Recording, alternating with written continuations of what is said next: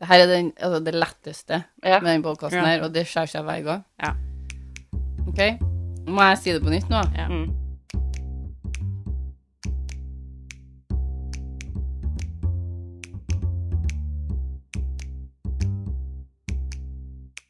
Hei, hei, alle sammen. Du hører nå på en liten pause med meg, Maria, og søstrene mine. Andrea, Martine. Nå er vi klar for en eh, true crime-sak igjen. Ja, hva handler dagens episode om, Maria? I dagens episode så skal dere få høre om saken som rysta USA i 1976. Det er USA sin største kidnappingssak i historien, og det er saken om The Chowchilla Bus Kidnapping i 1976. I 1976 så forsvinner da 26 barn og én voksen mann når de er på vei hjem etter sommerskolen er ferdig for dagen. 26 unger, 26 barn er det på den bussen her. så hele og bussen, den bussen bare Hele bussen forsvinner. hele bussen forsvinner, liksom. Så den saken her er, som jeg sa, fra Chowchilla, California, USA i 1976. Skal vi bare starte? mm. Det var altså 15. juli i 1976. Eh, Det var nest siste dag av sommerskolen i Chowchilla, og en skolebuss kjørte ned en landevei rundt klokka fire på ettermiddagen etter en skoletur var ferdig. Eh, Det var midt i juli, det var varmt, og masse frukttrær eh, sto fullt av frukt nedover den veien her, men det var også en dag som rysta hele USA. Det står i artikkelen til Cable Horton at California på den tida her hadde hatt veldig mange saker som hadde blitt eh, nasjonale nyheter. Det var kidnappinga av eh, Patty Hearst og The Zodiac Killer og Charles Manson-drapene hadde skjedd sent på 60-tallet, så det var ikke så veldig mange år siden. Og eh, Zodiac Killer var jo ikke identifisert ennå. Det var ikke noe mangel på frykt. Og så skjer denne kidnappinga i den stille landebyen Chowchilla. Videre i artikkelen står det at Chowchilla har nå eh, i dag rundt 20 000 innbyggere. Det er en stille by med et litt sånn utpå landet-preg. Litt sånn country og uh, mye støv, og det er varmt, og det er øde, på en måte. På det tidspunktet det her skjer, tror ikke jeg det var mer enn sånn ja, rundt en 4000 stykker som bodde her. Bussen ble kjørt av en mann på 55 år som het Edvard Ray, eh, også kalt Ed av folk. Ungene han kjørte på skolebussen, kalte han bare Edvard. Han var gift med ei som het Odessa, som jobba som en bankteller. Edvard var født og oppvokst i Chowchilla, og noen av ungene han kjørte på på skolebussen, var faktisk barnebarna til dem han sjøl hadde gått på skole med. da. Edvard hadde kjørt buss i mange år på det tidspunktet, her, 26 år faktisk. Eh, han begynte å kjøre buss eh, for Chowchilla School District allerede på 1950-tallet. Han var en tålmodig og punktlig fyr. Foreldrene sa ofte at de kunne stille klokka etter en Edvard. Han var der han skulle være, når han skulle være der. Han var egentlig en bonde, så han hadde jobba mange år eh, på en gård han eide, men eh, han følte liksom at noe mangla i livet sitt, og han ville gjøre noe mer, så da begynte han som bussjåfør, da, og kjørte på ungene. Ungene eh, på bussen hadde stor variasjon i alder. Dette var jo en sommerskolegreier. De hadde vært på utflukt. De var alt fra 5 til 14 år. Og ifølge artikkelen på City of Chowchilla så var det 19 jenter og 7 gutter på bussen. Den eldste var Mike på 14 år, og den yngste var Monica på 5 år. Det var en gjeng med spredde aldersgreier. Det var ikke en... De er på vei til skolen. Nei, de er på vei hjem. Det her er sånn ca. klokka fire på ettermiddagen. OK. De er på vei hjem fra skolen. De er på vei hjem fra en skoleutflukt. Ja. Utflukt. Ja, altså de hadde vært på sånn her senter, skulle jeg si, der de hadde bada og okay. Ja, så de hadde vært på en sånn skoleutflukt, og der hadde de jo drevet og svømt og bada, da. Mhm. På den dagen her, da, så blir Edvard nødt til å stoppe bussen fordi det står parkert en hvit varebil i veien. Nå, de kjører nedover en sånn litt sånn landeveiaktig plass som det ikke var så mye biler på. Eh, og i artikkelen til BBC7 News så står det at varebilen står parkert med døra åpen, og Edvard han slakker ned farta for å sjekke om det her er noen som trenger noe hjelp, om det er noen som på en måte har, eh, har noe trøbbel med bila si, eh, eventuelt om han klarer å kjøre rundt dem, da. Men eh, det hopper en mann ut ved siden av bila, og i handa har mannen et skytevåpen, og på hodet så har han tredd ei sånn nylonstrømpe. over ansiktet sitt. Å gud, det må være så ekkelt. Så hopper det ut to andre menn fra varebilen også, som har òg våpen og strømpebuksa tredd over hodet. Hun, Monica, hun yngste jenta på bussen, hun spør faktisk er det der påskeharen. Oho. At uh, hun får litt sånn påskeharefølelse av de her nylonstrømpene som Av er dem som henger ut sånn. Ja, riktig. Litt sånn forskjellig forklaring på hva, hvordan det her utarta seg. I en av kildene mine så sto det bare at han ene gikk opp til døra og banka veldig forsiktig på og spurte liksom kan du være snill å åpne døra til meg. Uh, I en annen artikkel så står det at de ropte først en advarsel om at en, uh, Edvard ikke måtte uh, rygge bussen eller prøve å stikke av. Da kom de til å skyte ruta ned. OK, så det var to helt forskjellige Ja. Eh, Det er, det er jo ganske lenge siden der, og de artiklene jeg leste, de hadde litt sånn spredd informasjon. Det- var litt sånn variasjon i hvordan ting foregikk, da.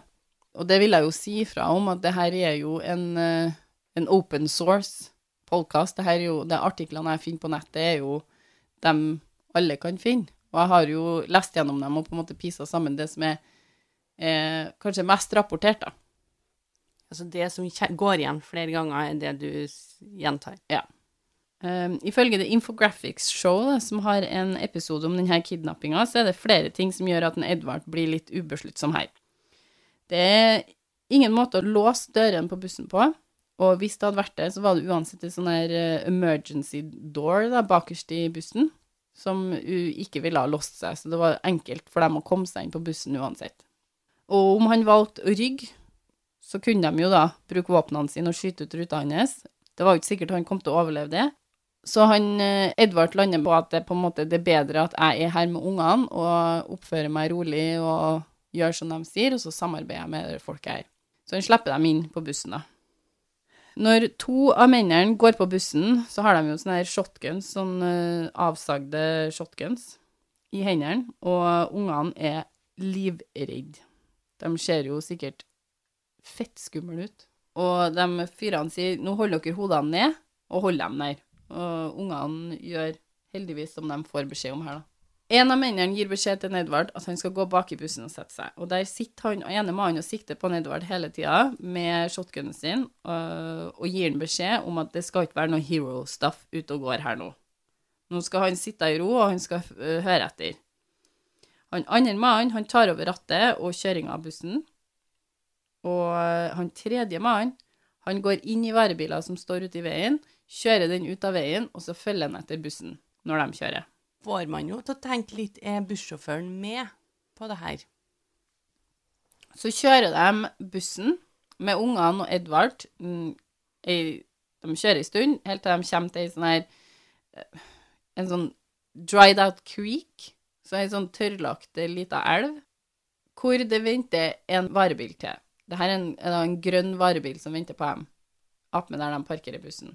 Ifølge artikkelen fra Scott Harrison så blir ungene og Edvard bedt om å forlate bussen, og så blir de delt i to grupper. ene gruppa blir putta bak i den varebilen som blokkerte veien, den hvite varebilen, og den andre gruppa blir putta inn i varebilen som står og venter på dem der. Skiller de dem i alder, da, eller? Nei. De har 12 i en buss og 14 i en annen buss sammen med han, eh, han Edvard, da.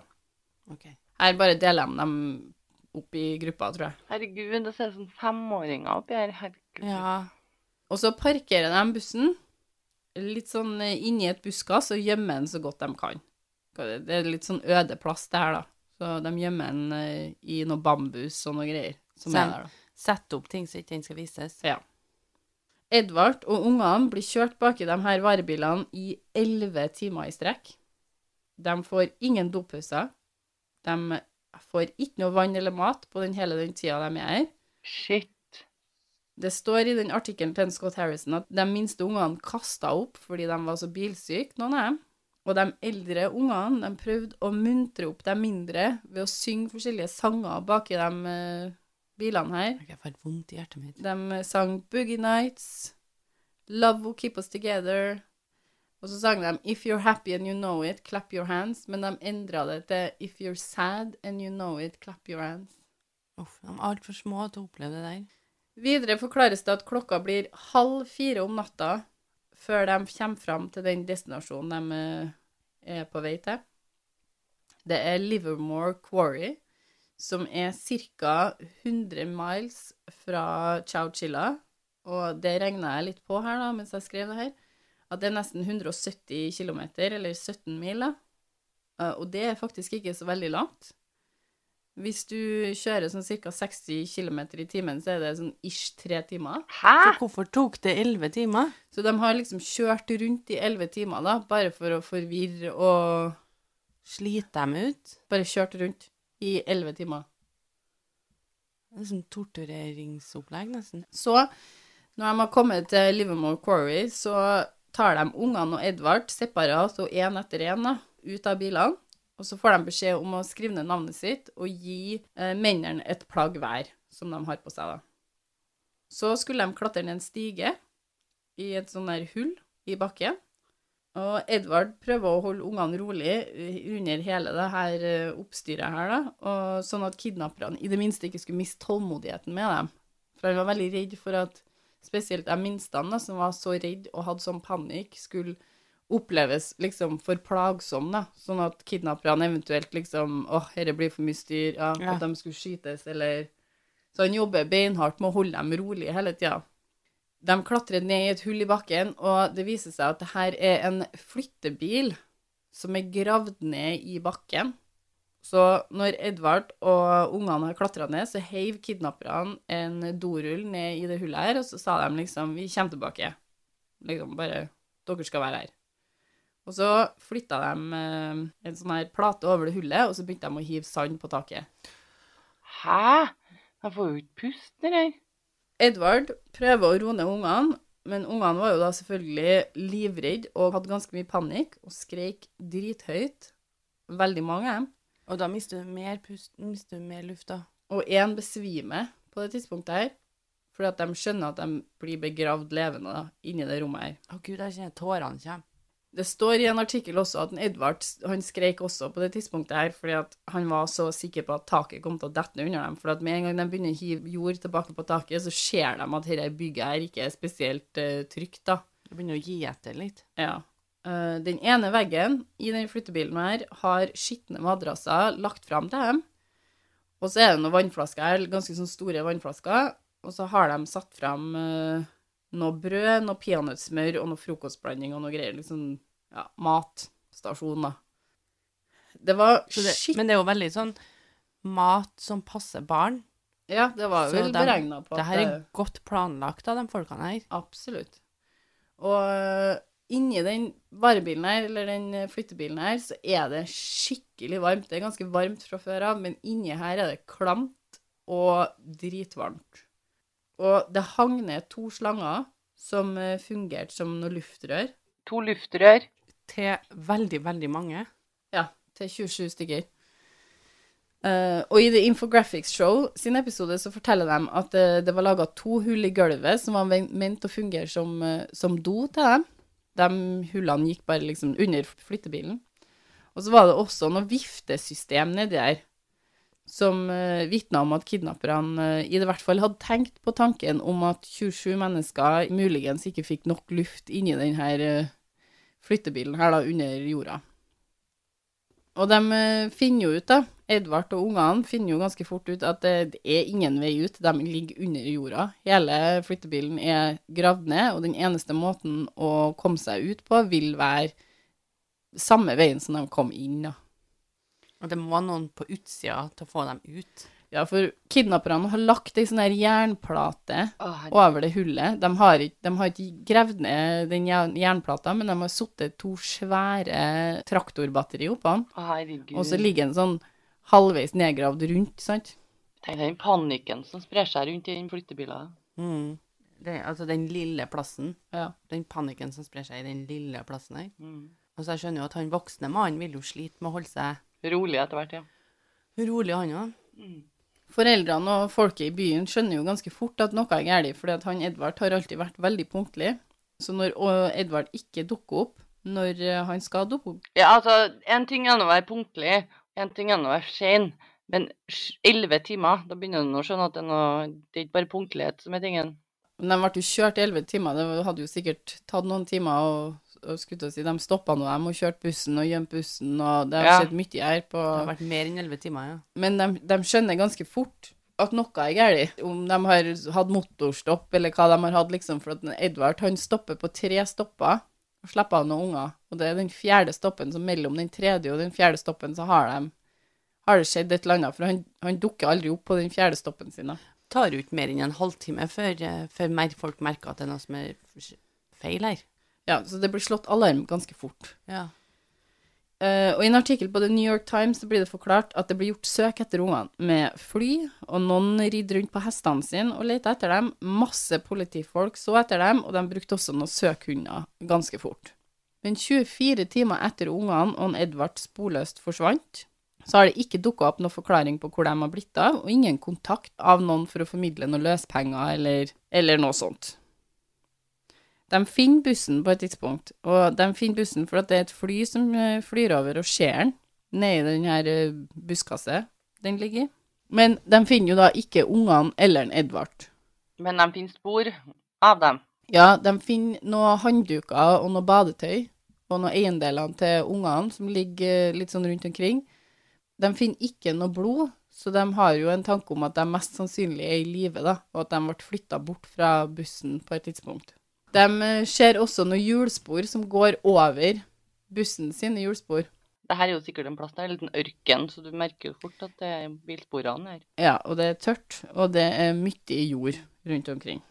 Så det tenkte ikke de på at de skulle fjerne. Av alt de har tenkt på, da. Mm. De eh, begynner å mistenke at en Edvard har en- en finger med i den kidnappinga her. Og media har fått tak om den historien, og ungene som har sporløst forsvunnet. Sorry, det kan jeg forstå dem. Hvis de ungene her er sammen med én mann, så forsvinner både ungene og mannen, ikke bare ungene. Liksom, og mannen sitter igjen og liksom, jeg vet ikke hva som skjedde. Mm. Så har jo jeg begynt å tenke at den mannen her som var med de eh, ungene her, har jo noe med det her å gjøre. Media eksploderer, altså det kommer folk fra hele landet til Chowchilla her for å dekke den nyheten her. Og det jeg tror det er en av de reporterne som sier først kan han mannen her ha hatt, eller bussjåføren hadde noe med, med kidnappinga å gjøre, da. Og det er sånn det på en måte den teorien planter seg litt. Mm. Det blir jo litt sånn, ja, selvfølgelig, på en måte, at man, at man tenker at Ja. han må jo ha vært med på planlegginga.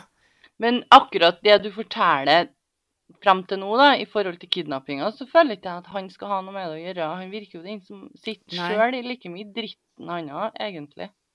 Ja, og så er han inni den bussen, nei, inni den flyttebilen her. Og du hadde jo ikke villa det hvis Men folk rundt vet jo ikke det. Sånn at da blir det jo ofte Det er en mann med noen unger som har Mm. Og den her eh, media som eksploderer så sinnssykt, eh, de spytter ut flere teorier, og i artikkelen til Cable Horton så står det at blant annet ble det spekulert om eh, det kanskje var The Zodiac Killer som var på ferie.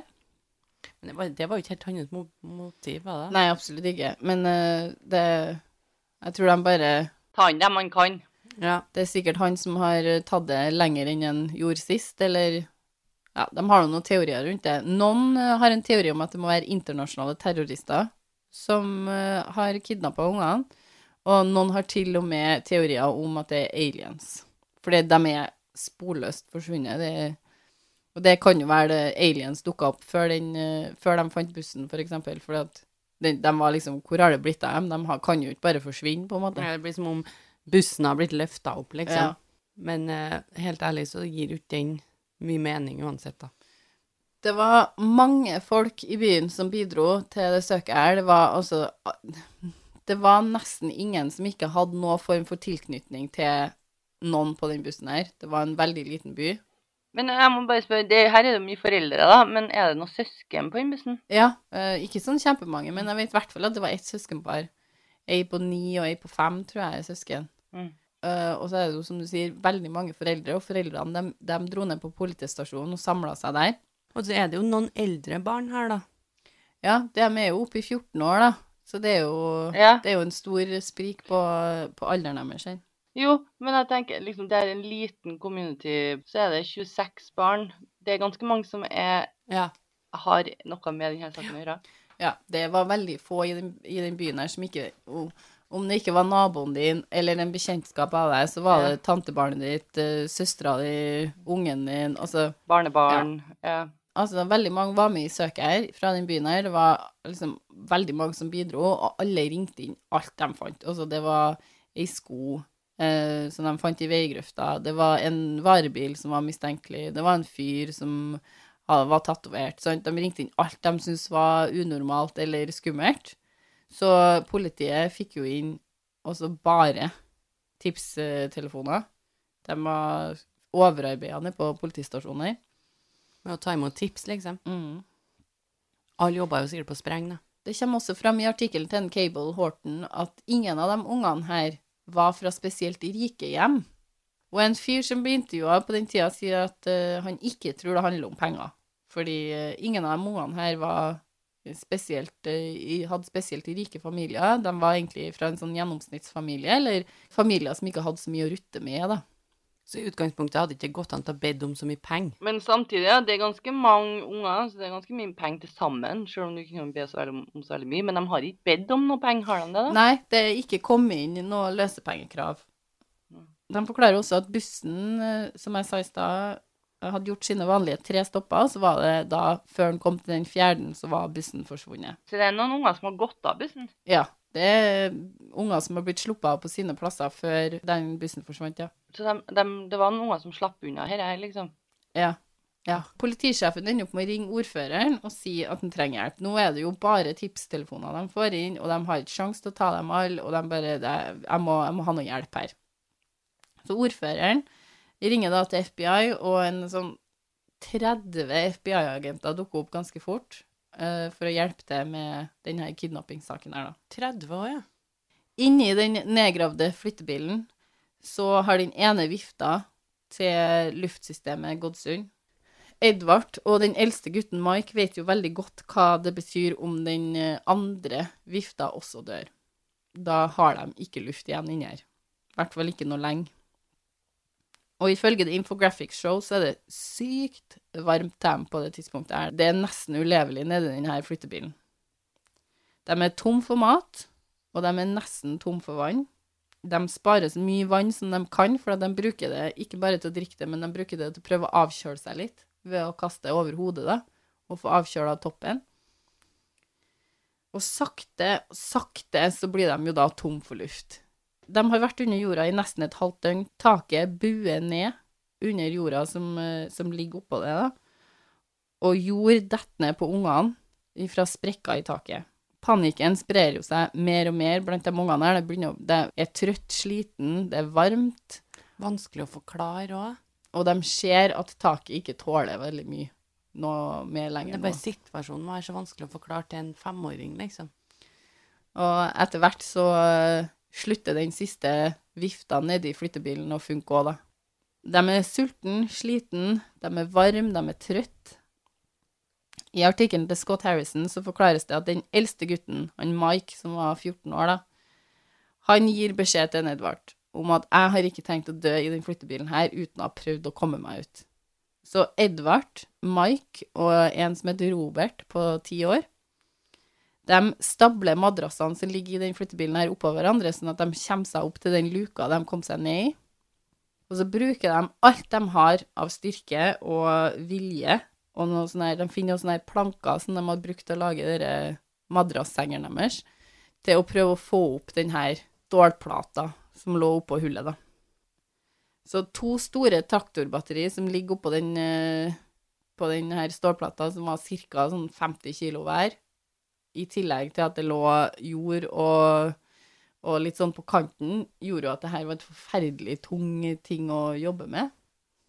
De jobber på i over tre timer uten å egentlig få rikka denne stålplata fra flekken. Han, han Edvard prøver å legge seg på ryggen og bruke føttene sine til å på en måte få flytta den på han. Dytte den opp, ja. Og Edvard, er det sagt i artikkelen til en Cable Horton, uh, han tviler sterkt på at det her går an. Han tror det er helt umulig å få flytta denne stålplata. Og han tenker på at kidnapperne kanskje er i nærheten med våpnene sine, så han er- tenker jo på hvis vi får flytta han, så er det ikke sikkert det er så lurt uansett, for vi vet jo ikke hvor de her kidnapperne befinner seg.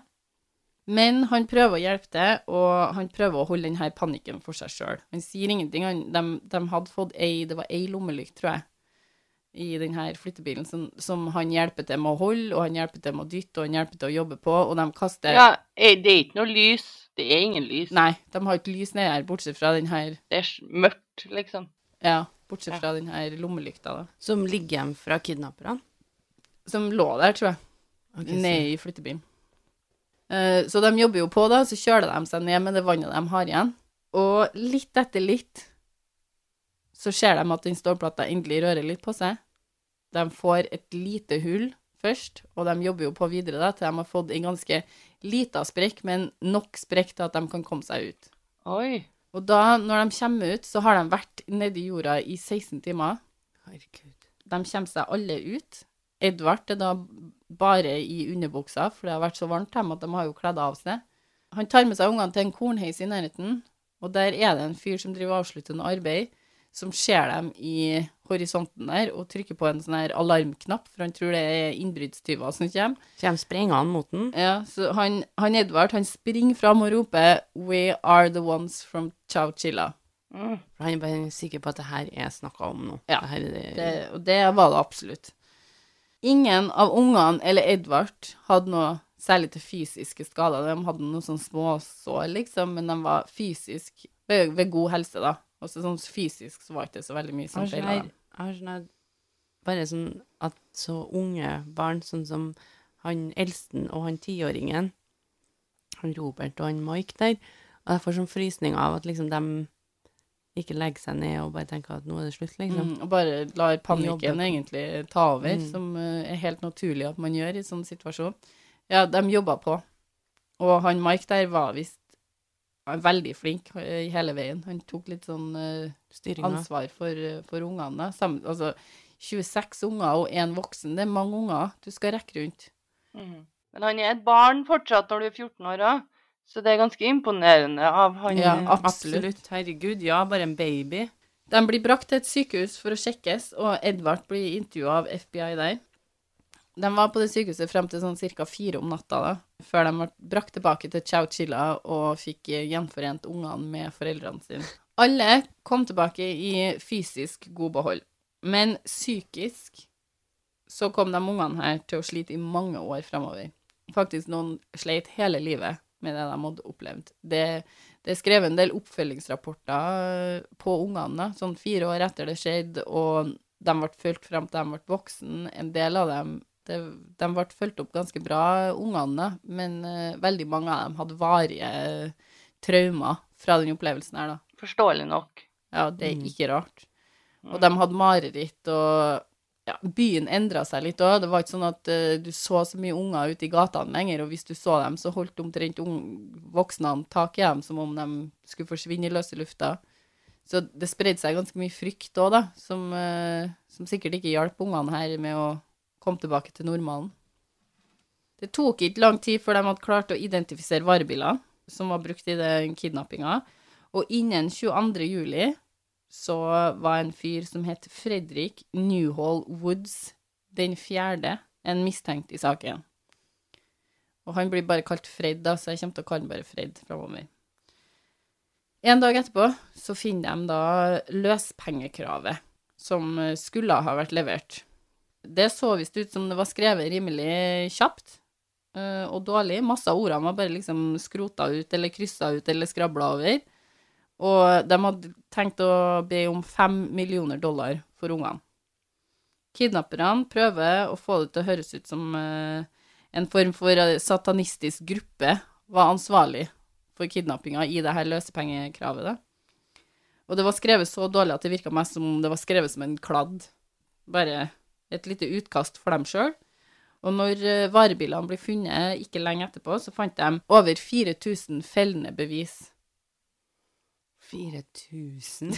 Jeg syns det, er mulig det var ironisk skrevet, det vet ikke jeg, men eh, det var i hvert fall overveldende mye bevis mot, eh, mot dem som hadde gjort det, da. Ungene, kunne de uh, gjenkjenne de folkene her? Nei. Nei. Uh, og kidnapperne, det var jo tre menn, og de hadde jo da prøvd å ringe inn til politistasjonen. Oh, For de kom å- ikke gjennom all tipsinga. Nei. De hadde prøvd å ringe inn for å si sånn Hei, hei, det er vi som har kidnappa ungene, uh, og vi skal ha fem millioner dollar. Målet deres var ikke å få foreldrene til å betale, men å få myndighetene til å betale. Ja, staten, liksom. Altså, og communityet og Ja. Eh, Men fordi det hadde vært så mange som ringte inn tips, som Martine sa, så kom de aldri gjennom til politistasjonen. I artikkelen til Cable Horton så blir det sagt at han eh, Fred Woods den fjerde her, da, han eh, var arrestert en gang med to brødre. Det var Schoenfeld-brødrene. De het Richard og James. Og James var vel mer kompis med Fred enn en Richard var, for eh, Richard var et par år yngre enn dem. Eh, Fred og James var jo 24 år, Oi. og Richard var 22 når de gjorde det her. Det er unge folk, altså. Og nå skal ikke jeg gi dere sånn kjempemye info rundt de her uh, mennene her, men uh, Fred var i hvert fall en ganske rik fyr, og han kom fra en familie med mye penger. Og det gjorde Richard og James òg. De òg var fra rike familier. Å ja. Behovet for penger. Fred hadde en kompis som het David. Og eh, David han gikk på filmskole, og sammen tenkte de at de skulle bli produsere, han Fred og James. Eh, Fred drev og fiksa mye på sånne biler og solgte dem videre på, eh, som liksom hovedjobben sin, da, skulle jeg si. Og det skulle han gjøre for å finansiere filmene til en David i framtida. Det var liksom planen deres. Og Fred hadde tilfeldigvis sett en film som heter Dirty Harry. Er det noen av dere som har sett den? Jeg har ikke sett Dirty Harry, men at man vet nå hvilken film det er. Ikke med en Clint Eastwood? For han er jo kjent for å være Dirty Harry. Ja, han er en uh, politi, ja. Av en Clint, som er spilt av en Clint Eastwood. Og den filmen her handler om at han, eh, han Dirty Harry er jo nødt til å um, fange en, en, en morder, da, som krever å få mer penger for å Hvis ikke så dreper han flere. Ja, så han, eh, han Fred så jo da Dirty Harry og hadde lyst til å lage en film som ligna litt på denne filmen her, da. Og litt etter litt så ble det her til en form for plan for å gjennomføre eh, i virkeligheten isteden. Han, eh, David, han eh, filmskolestudenten, var ikke med på denne planen. Det her var jo da han, eh, Richard James Onfred som drev og planla. Og de planla jo da et helt vilt heist eh, for å kidnappe noen unger på en skolebuss, som var på en helt annen skala enn det som ble faktisk gjennomført. Denne planlegginga deres, det var De fant jo da en, ei bok som detaljert hva planen gikk ut på. Og det var med både en buss De hadde jo tre, to varebiler og en flyttebil i det originale heistet sitt her, men det var med buss, det var med fly, det var med flere varebiler, så det var detaljert greie. Fly, ja, ja. Hvor skulle de få det flyet fra? Nei, I Cable Horton sin artikkel så står planen deres beskrevet. Uh, og skal lese til dere hva som står i den artikkelen her. Rick and Fred will board the bus. Rick will disable the driver with chloroform, and uh, Fred will drive the bus to the hidden location where Fred keeps an eye on the bus. Rick will escort the kids two and two to the vans where Jim is waiting. Jim er James. Watch for kids who make a run for it. Count the kids. Og så fortsetter den her notatboka. Conceal the kids. Hide the vans. Go somewhere else to collect the money. From there, Rick will get a plane to take James to a small, uncontrolled airport. They will meet Fred, who will hijack the plane. Right. Then, Rick and Fred load the dummies into the plane with parachutes, and an extra parachute, of course. Jim is taking possession of the money. Thus, a state employed secretary will be appointed to bring the money in three brown paper bags and instructed to Og så har ikke de kommet noe lenger etter det. Der, Så bare gjorde de noe helt annet? så har de jo gjort en nedskalert versjon av det her, i hvert Ja. Hva prøvde de å finne en fly og en flyplass og bare OK, vi må gjøre det litt lettere enn det her? Men så står det også i denne journalen til en av guttene at de skal huske en del ting. Og det er jo å brenne boka, det er jo først på lista deres, sikkert. Og den har ikke de brent. Den har de ikke brent. Eh, de må ha infrarøde briller for å se når det blir mørkt. Eh, de må få i tak i seg en X-ray truck. Det høres ut som prosjektet deres koster mer enn det de vil få inn. Ja, det er jo et, det er et helt vilt prosjekt, det her. Det her er jo like høyt som en lagenfilm. Mm. Uh, og de må få i seg en X-ray truck med gassmasker og blyvester. Eh, og en mikrobølgeovn for å kvitte seg med noe eventuelle avlyttingsstyr da, som blir eventuelt sendt med de pengene de skal få tak i. Har de sett dette på film, liksom? De har i hvert fall fått inspirasjon fra noen ting her. Eh, de skulle også få tak i noe Vote for Reagan bumper stickers for å virke anonym. Det skulle de ha på dere varebilene sine, sånn at de skulle virke anonyme. Da går du inn i crowden, liksom. Ja. Eh, De skulle spørre etter brukte sedler, og de skulle ikke bruke penger på sju år. Og til slutt så hadde de notert seg at de måtte få plukka opp pengene, og eventuelt bruke en illusjon, sånn som magi, for å få gjort det. da. Ja, sånn. MacGyver. Han skal bare forsvinne. Hva heter han, han, store, han der som vi så mye på når vi var unge? Ja, han heter Copperfield. Disappear. Brua. Så det står rett og slett på denne uh, planen deres at de skal bruke magi. Ja, bruk, eh, bruk en form for illusjon som magi, da, som et eksempel. Det holder bare å planlegge det. Tenker de tydeligvis. Ja, og så virker det som når de skrev den planen her, de skrev liksom The Kids, liksom på en måte The Kids som om det ikke er mennesker. Som om det ikke er noe annet enn bare Mm, noe Count the kids. Ja. Catch the kids if they get away, liksom. Ja. Altså, det, det er som om det ikke er personer de snakker om, men Nei, men det er bare en del av planen deres, liksom. Samme som magi. ja, det er bare plan. Så liksom Ja. Like viktig som infrarøde briller, liksom. Eh, Så hvorfor skulle tre rike mannfolk kidnappe barn for, eh, for masse penger? Jo, fordi de er ganske sikre på at løsepengene ble betalt for barn. De var sånn, hvis vi skal kidnappe noen, så må det være unger, det må bare plante dem, så vi får nok penger. For de betaler alltid for barn. Altså det er sånn, unger må de redde. Så det Fordi bare- at det er viktige folk. Ikke fordi at du kan bare finne på noe. Eh, og penger skulle de ha, fordi at uh, i noen artikler står det for at de rett og slett De var jo rike folk, de var jo fra rike familier, men at de, de rett og slett hadde lyst på bedre biler. De hadde lyst på Ferraris, liksom, istedenfor de bilene de hadde. Altså, kødder du med meg? Men i Daily News sin artikkel så står det at de hadde mista alle pengene sine. De hadde brukt opp de pengene de hadde liksom i trustfundene sine og sånn. For uh, de hadde drevet med noe eiendomskjøp, og så hadde det skåret seg litt, og så hadde de mista pengene sine. Men herregud, dropp den planen her, da. Heller kjøp dere en Ferrari. De har jo ikke noen penger igjen, for de har brukt opp alle pengene sine. Ja, de, ei- Jo, men hvordan skulle de få råd til et fly, da? Nei, De skulle jo kapre flyet, da. Nei, nei. De skulle, de skal- eh, Ja, ja. de, det står ikke noe om at de skulle kapre flyet. Det skulle se ut som en Fred kapra flyet etter de hadde Å ja. altså, Ok, det, ja, ok. det var en del av planen, det, at oh, ja. det skulle se ut som en kapra flyet. Men fortsatt så uh, Det her er jo folk som ikke kan å bruke penger ordentlig engang. Hvorfor trodde jeg at de skulle klare å gjøre en sånn her ting? Og eh, jeg husker jeg leste at uh, etter de prøvde å ringe politiet og ikke kom gjennom der, eh, de prøver jo flere ganger, og det går jo ikke, de kommer jo ikke gjennom. Så de kjører hjem, og så legger de seg og sover. Fordi de, de har jo vært våkne ganske lenge, og de har jo farta rundt, og de har jo kjørt rundt i Ja, elleve men timer med ungene her. det er jo ikke noe synd på dem der. Nei, nei.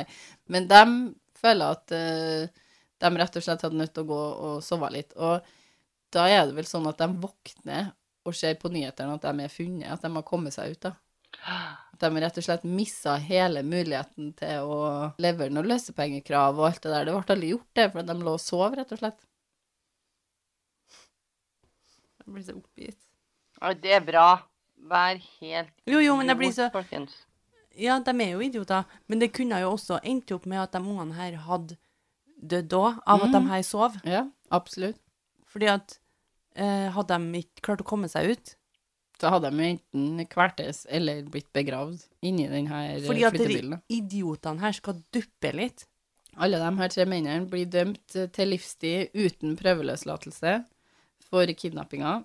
Eh, Men det tror jeg blir endra til livstid med mulig prøveløslatelse etterpå, fordi de blir nok eh, Jeg tror de blir først dømt med sånn bodily harm, og så er det noen som anker, og så finner de ut at de har egentlig ikke skada ungene. Fysisk, i hvert fall. Sånn at jeg tror det blir gjort om, men de får alle livstid. Ja. På ABC News sin artikkel så står det at Richard Schoenfield han slapp ut av fengsel i 2012. Oi. Da var han 77 år gammel. Og skjemtes opp, jeg. Og broren James slapp ut i 2015, eh, 82 år gammel. Han, Fred han sitter fortsatt fengsla. Han har fått avslått eh, prøveløslatelse 19 ganger, Og neste høring er ikke før i 2024, da. Edvard, bussjåføren, eh, han døde i 2012, 91 år gammel. Og alle ungene som gikk gjennom det her med Edvard, holdt kontakten med han i årene etterpå, egentlig mange resten av hans liv. Det, jeg leste at det var flere av dem som besøkte han på, i sykehuset når han lå, lå for døden. Uh, han Edvard han beholdt bussen. Han kjøpte den fra kommunen da, for eh, 500 dollar når den skulle eh, vrakes. Og han samla på masse avisutklipp fra den hendelsen her. Bussen ble til slutt eh, gitt til et museum, så der står den på utstilling. Og Chowchilla de har eh, veldig mye fokus på eh, denne hendelsen. De har et sånn minne, minnested for, for ofrene av uh, kidnappinga, og de har en Ed Ray-dag. i- Å, Sånn de har en egen dag, han. Han vil ikke bli sett på som en helt, men eh, hele USA så jo på han her som definisjon på en helt. Alt han hadde gjort for å holde de ungene her i live, og jobba for å holde dem rolig og hjelpe hjelp det så de slapp ut. Eh, han mente at han bare hadde gjort jobben sin. Han hadde tatt vare på de ungene han hadde ansvaret for. Når det her skjedde, så hadde han ansvaret for ungene. Han hadde gjort jobben sin. Han var ikke noe mer helt enn alle hvermannsen mente han, men han ble jo sett på som en helt da. Men han hadde lært, lært ei viktig lekse her i livet, og det var Don't Stop the Bus. Ja. Aldri. Mm. En film har ironisk nok blitt laga av den kidnappinga her. Den heter Vanished Without a Trace, og den ble laga i 1993. Å ja. Og en sang ble laga for å hedre en Edward Ray. Den heter The Ballad of Chowchilla Ray, eh, av en Robert Golett, som var en stor sanger på 60-, 70- og 80-tallet. da. Så eh, det er en del bilder fra denne saken her som ligger på de forskjellige artiklene og sånn, sånn at vi kan jo gjøre det samme Ja. som vi gjorde for eh, Mr. 880, Mm. og legge ut litt på historien vår eh, dagen etter vi Mm. slipper episoden Mm. så kan dere få se. Og det var alt vi hadde for denne gangen. Følg oss gjerne på Instagram. En liten pause. Der legger vi ut litt uh, angående de sakene vi har om, og om oss sjøl, og hvordan livet med en podkast er med søstrene dine. Uh, hvis du har en liten historie som du sitter på, som du har opplevd sjøl, en vandrehistorie, en historie du har hørt, en historie spennende, artig, hvordan som helst historie, send den gjerne inn hvis vi kan eh, få lov til å ha den på de bitte små pausene våre. Send oss gjerne en mail på En liten pause. Podkast at gmail.com. Som alltid, tusen takk for at du lytta på. Vi høres. Vi høres. Ha det. Ha det.